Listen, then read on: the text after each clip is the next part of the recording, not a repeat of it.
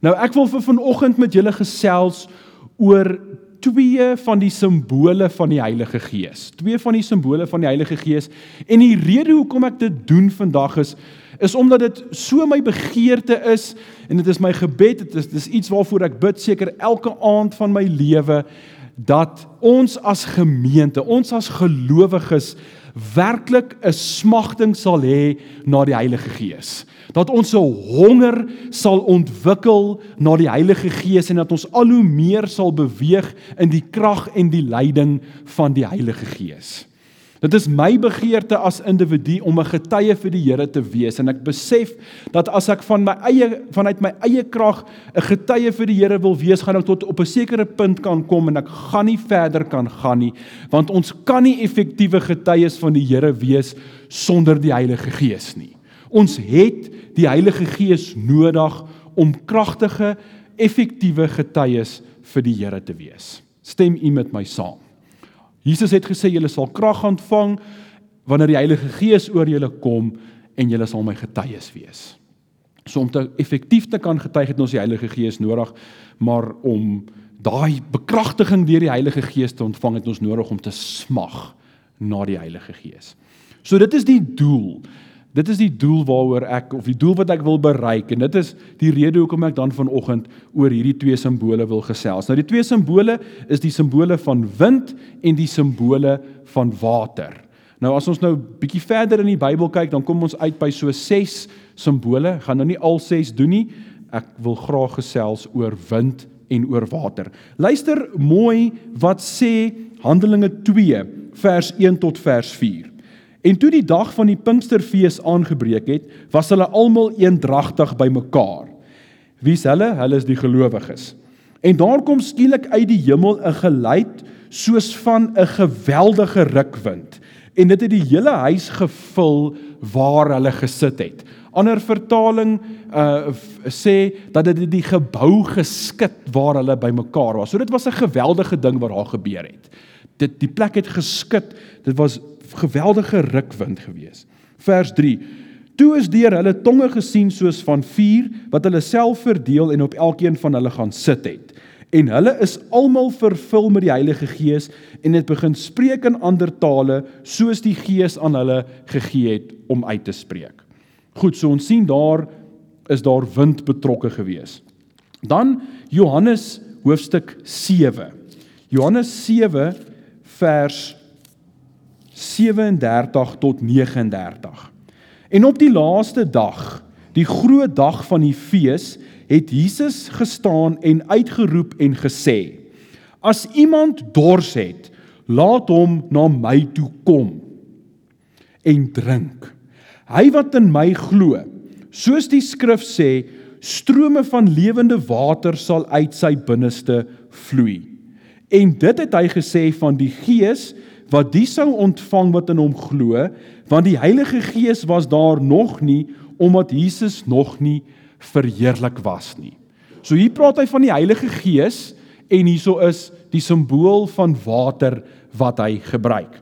Nou wanneer ons gaan kyk na die Hebreëse woord vir gees, is dit nou die woordjie ruach. En as jy ruach vertaal, vertaal dit na gees, wind of asem toe. Dis nogals interessant. So wanneer ons praat van die gees van God, dan is en ons kyk na ruach, dan is dit die asem van God of dit is die wind van God en dit alles verwys na die Heilige Gees. Dink aan Genesis hoofstuk 1 waar ons lees oor die skepping. Sê dit daar in die begin die aarde was woes en leeg. En die gees van God, die ruach van God, Die asem of die wind van God het gesweef oor die vloedwaters. En God het gesê, "Laat daar lig wees." En toe is daar lig. Dit het gebeur wat hy gespreek het. En as ons so kyk na die skepingsverhaal en ons kyk na die geheelbeeld van die Bybel, dan sien ons dat die Heilige Gees teenwoordig was met die skepping van alles. En daarom kan ons vir mekaar sê die Heilige Gees is 'n skepende gees. Waar die Heilige Gees betrokke is, sal daar altyd nuutskepping plaasvind. Nou as ons kyk in in Genesis 2, dan dan lees ons van hoe God die mens gemaak het en hy het hy het, hy het stof gevat, hy het vir Adam gemaak, perfek het Adam daar gelê, maar Adam was nie 'n lewende siel gewees nie. En dan lees ons God het sy asem en is weer eens ruach. God het sy asem binne in die mens ingeblaas en die mens het 'n lewende siel geword. So daarom moet ons ook vir mekaar vandag sê die Heilige Gees is 'n lewegewende gees. Daar waar die Heilige Gees is, is daar lewe en lewe in oorvloed. Daar's groei. Wonderlike dinge vind plaas waar die Heilige Gees betrokke is. Dink so mooi aan wat die profeet Jesegiel gesê het in Jesegiel 36 waar hy praat van hierdie klipharde hart wat binne in die mens is en hoe hy hierdie klipharde hart uithaal en hoe hy 'n hart van vlees insit en hy sy gees binne in daai hart sit en hoe hy sy wet op daardie hart skryf. Nou dit verduidelik so mooi die bekeringsproses, nê? 'n Hart van klip, 'n klipharde hart wil nie die Here dien nie, stel nie belang in die Here nie. Maar wanneer daai hart verander word en die Heilige Gees is daar, dan wil daardie hart die Here dien. So, dit is kortliks net bietjie oor oor wind en oor skepende krag en lewegewende krag wat gepaard gaan met die Heilige Gees. Nou wanneer ons kyk na wind, dan is wind ook so bietjie misterieus. Ons weet nie altyd waar kom die wind vandaan nie en ons weet nie altyd waarheen hy gaan waai nie. En net so en hy steek op, net so en hy verander van rigting. Jy kan altyd nie altyd pyl trek op wind nie. Jy kan nie die wind vang nie. Die mens kon nog nooit die wind vang nie. Daar's nie 'n manier wat jy die wind kan vang en inperk en manipuleer en maak beweeg in 'n rigting waar binne in jy wil hê dit moet gaan nie. Jy kan ook nie die wind beveel om harder of sagter te waai nie. Die wind waai soos dit wil. Soms is die wind saggies en dit het 'n baie kalmerende effek op 'n mens en dit het 'n vertroostende effek op 'n mens. Maar partykeer is die wind ook baie sterk en dit het die vermoë om goed stikkend te waai. Dit het die vermoë om goed weg te waai. En wanneer ons daardie simboliek in kontak bring met die Heilige Gees, dan kan ons vir mekaar sê die Heilige Gees kan nie deur 'n mens gemanipuleer word nie. Ons weet nie hoe die Heilige Gees gaan werk nie. Ons kan nie sê die Heilige Gees moet so en moet so werk en gaan so en gaan so werk op daai punt of op daardie tyd nie. God se Gees is soos wind, dit waai soos dit wil. Ons kan nie die Gees van die Here beperk nie. Soms sê die Heilige Gees 'n vertroostende effek op ons, maar ons moet ook onthou dat die Heilige Gees kragtig is. En die Heilige Gees kan in ons lewe inkom waai baie sterk en hy kan ons oortuig van sonde met die doel om daai sonde uit ons lewe uit weg te waai. Daarom het ons nodig om onsself oop te maak vir die Heilige Gees. Sodat hy ons met tye kan vertroos, maar dat hy ons ook met tye bietjie kan vermaan en sê hierdie vuil goed in jou lewe moet uitgewaai word. Ek kom om dit nou uit te waai. Dit moet weg simbool van wind, kragtige wind. Wat vir my ook interessant is van wind is is dat ons kan nie wind sien nie. Niemand kan wind sien nie. Ons kan net die effek van wind sien. En die effek van wind ervaar.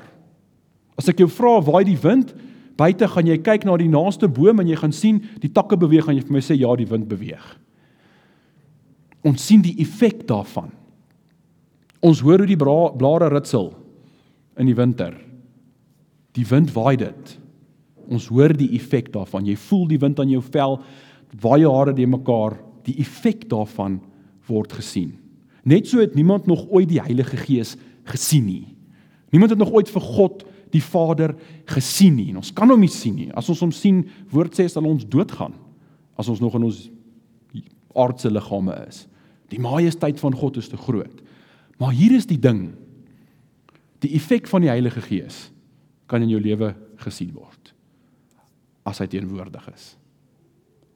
En nou is my vraag vir jou vandag. Kan die Heilige Gees se effek in jou lewe gesien word? Leef jy deur die Heilige Gees ja of nee? Net soos wat die teenwoordigheid van die Heilige Gees in jou lewe gesien kan word. En mense kan dit sien deur die vrug wat jy dra. Mense kan dit hoor in die die die woorde wat jy sê, die manier hoe jy optree. Ons ons ons kan sien of die Heilige Gees in jou lewe betrokke is deurdat jy betrokke is by die by die werk van die Here of nie. Of jy het, of jy 'n ywer vir hom het. Dit dit word self sigbaar ook in jou verhoudinge. Want onthou, die Heilige Gees maak alles nuut en hy maak alles wonderlik. Soos hy teenwoordig is in jou lewe, gaan jy die effek daarvan sien in jou eie lewe, maar jy gaan ook die effek daarvan sien in jou verhoudinge en jy gaan dit sien in jou gemeente en en in jou huis. Maar net soos wat jy die effek van die Heilige Gees se teenwoordigheid kan sien, kan jy ook sien as die Heilige Gees nie teenwoordig is nie. Want die gebrek aan die Heilige Gees het ook 'n effek. En dit bring my by ons tweede simbool wat water is. Ek is seker ons kan almal saamstem sonder water vrek alles. Nie waar nie? Alles wat lewe is afhanklik van water. En waar daar nie water in die natuur is nie, kan jy die gebrek daarvan sien. Daar's doodsheid. Daar's stagnasie, daar's verwoesting en agteruitgang en dieselfde gebeur in ons geestelike lewe en in ons verhoudinge en in ons gemeenskappe en ons huisgesinne en in ons kerke as die Heilige Gees nie teenwoordig is nie. Daar's doodsheid. Daar's agteruitgang. Daar's verwoesting. Ons het die Heilige Gees nodig. Waar water is, floreer alles. Dink aan daai mooi Rigtersveld. Ek het nog nooit daar gery nie. Ek wil so graag daartoe gaan. Maar die van julle wat al gaan blommetjies kyk het, nê? Dit is iets asemrowends. Die een dag is daar niks. Dit lyk soos 'n woestyn. Dan reën dit, maar net 'n bietjie. En binne in 'n week staan dit vir hektaars en hektaars en hektaars die pragtigste mooi kleurvolle blommetjies. En jy kan nie glo dat so 'n bietjie reën veroorsaak het dat daar hierdie pragtige blommetjies groei nie. Waar daar water is, is daar lewe. Waar die Heilige Gees is, is daar lewe. Daar's vooruitgang, daar is seën. Dink aan Daai beeld wat Esegiel gesien het in Esegiel 47 van die water wat uit die troonkamer van God uitvloei in die woestyn in. Die woestyn, ons ken almal ken 'n woestyn, daar groei niks nie.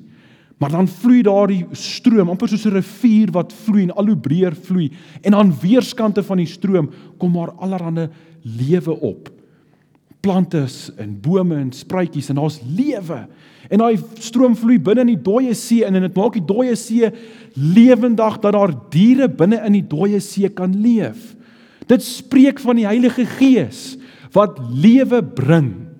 Dit spreek van die Heilige Gees wat wat wat wat iets nuuts maak binne in jou en jou seën en jou laat groei geestelik. Hoekom groei mense nie geestelik nie? Want die Heilige Gees is nie betrokke nie. Daar's nie 'n smagting na die Heilige Gees nie. Hoekom is daar gelowiges wat kragteloos is? Want hulle smag nie na die Heilige Gees nie. Hoekom is daar gemeentes wat nie beweeg in die krag van die Here nie? Hoekom is daar nie gemeentes wat beweeg in evangelisasie nie? Want hulle worry nie oor die Heilige Gees nie. Dis die Heilige Gees wat vir ons krag gee om God se getuies te wees. Dis die Heilige Gees wat ons aan die brand steek om God se getuies op aarde te wees. Daar's baie maal kragteloosheid in gelowiges se lewens omdat daar ook biddeloosheid is. Biddeloosheid en kragteloosheid het is aan mekaar verbind. Daar's nie krag nie want jy bid nie. Die Heilige Gees is nie deel van jou nie. Jy's nie vervul of gedoop met die Heilige Gees nie, want jy bid nie. Geestelik stagneer ons, geestelik gaan ons agteruit want ons bid nie. Ons het nie 'n gebedsywer nie. Ons het nie 'n gebedssmagting na die Heilige Gees nie. En daarom sit ons sonder krag.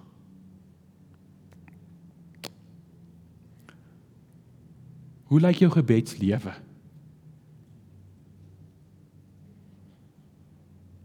Hoe lyk jou tyd Hoe lyk jou program? Is dit so vol geprop met allerlei wêreldse goed dat jy nooit kans kry om met op jou knie te gaan en sê Here, vul my asseblief met die Gees. Ek weet nie, dit is iets wat in my hart weer lewend geword het. Ek is ook 'n mens. Ek is nie 'n engel nie. Vra my ma, sy sê Daar was ook 'n tyd in my lewe wat ek nie genoeg tyd spandeer het aan die Here nie. Al was ek gered. Al was ek 'n pastoor. Ons programme is ook vol, maar dis nie 'n verskoning nie. Iewers het die Here dit in my gesit om weer te bid vir die Heilige Gees. Vir die doping met die Heilige Gees in my lewe. En dit is iets wat 'n prioriteit is by my. Ek gaan elke dag op my knie en ek vra Here asseblief gee my meer. Eintlik gaan dit daaroor dat ek 'n getuie vir die Here wil wees. En dit is eintlik 'n opdrag wat ons almal ontvang het by the way. Niemand van ons wat onsself kinders van die Here kan hierso sit en sê o nee, ek het nie daai roeping op my lewe om te gaan te gaan verkondig nie. Want Jesus het daai opdrag vir almal gegee.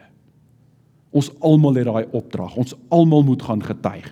Daarom het ons almal die Heilige Gees nodig. En omdat ons almal die Heilige Gees nodig het, moet ons almal smag na die Heilige Gees.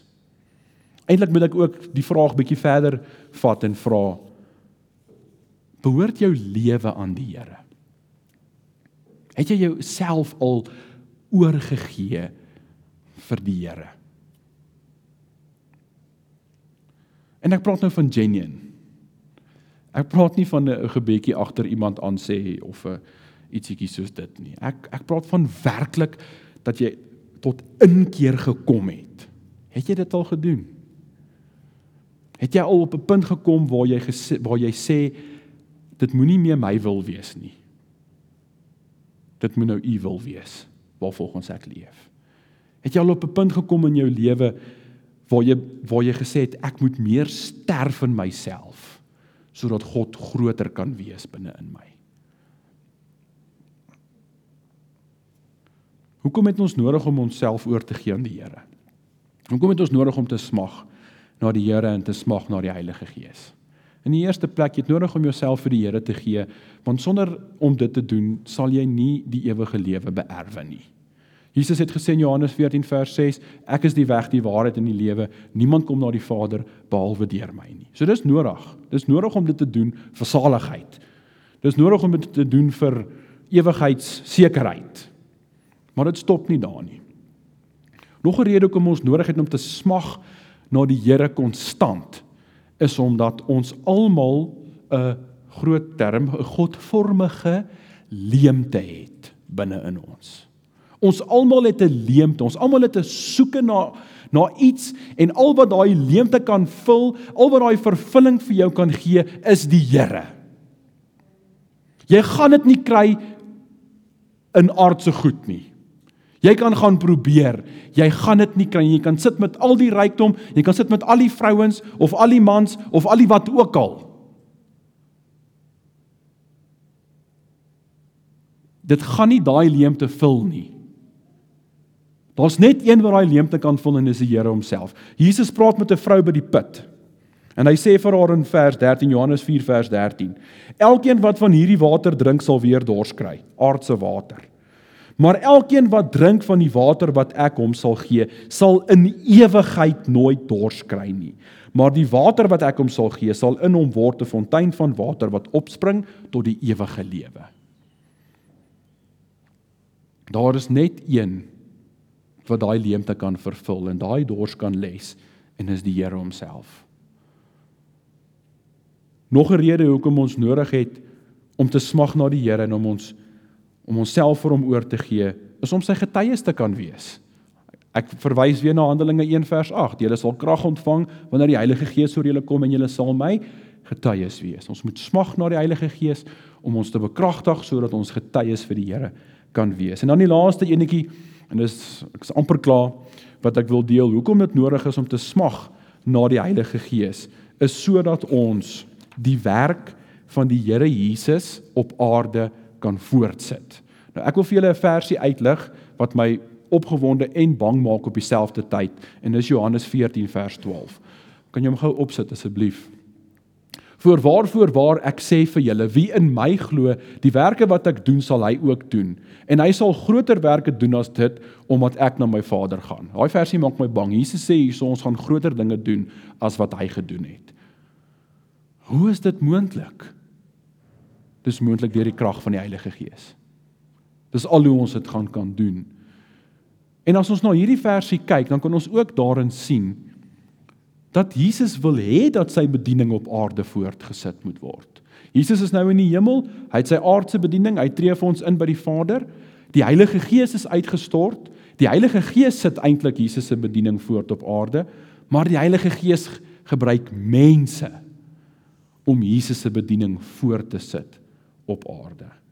Begeer jy om Jesus se bediening voort te sit op aarde? Begeer jy om 'n getuie vir die Here te wees? Kom ons ontwikkel so 'n ywer vir die Here. Kom ons ontwikkel so 'n gebedsywer en smagting waar ons in gebed vir die Here vra, Here, gee my meer van u gees. Maak my 'n getuie. Ek wil iets vir u doen. Ek wil nie my lewe waste nie. Ek wil nie die geleenthede wat ek het laat verbygaan nie. Gee vir my die gees. Ek besef, Here, ek kan nie hierdie ding doen uit my eie nie. Gee vir my die gees. Gee vir my die vermoë om dit te kan doen. Ek sluit af met Lukas 11 vers 9 tot vers 13. Net gou my versie kry.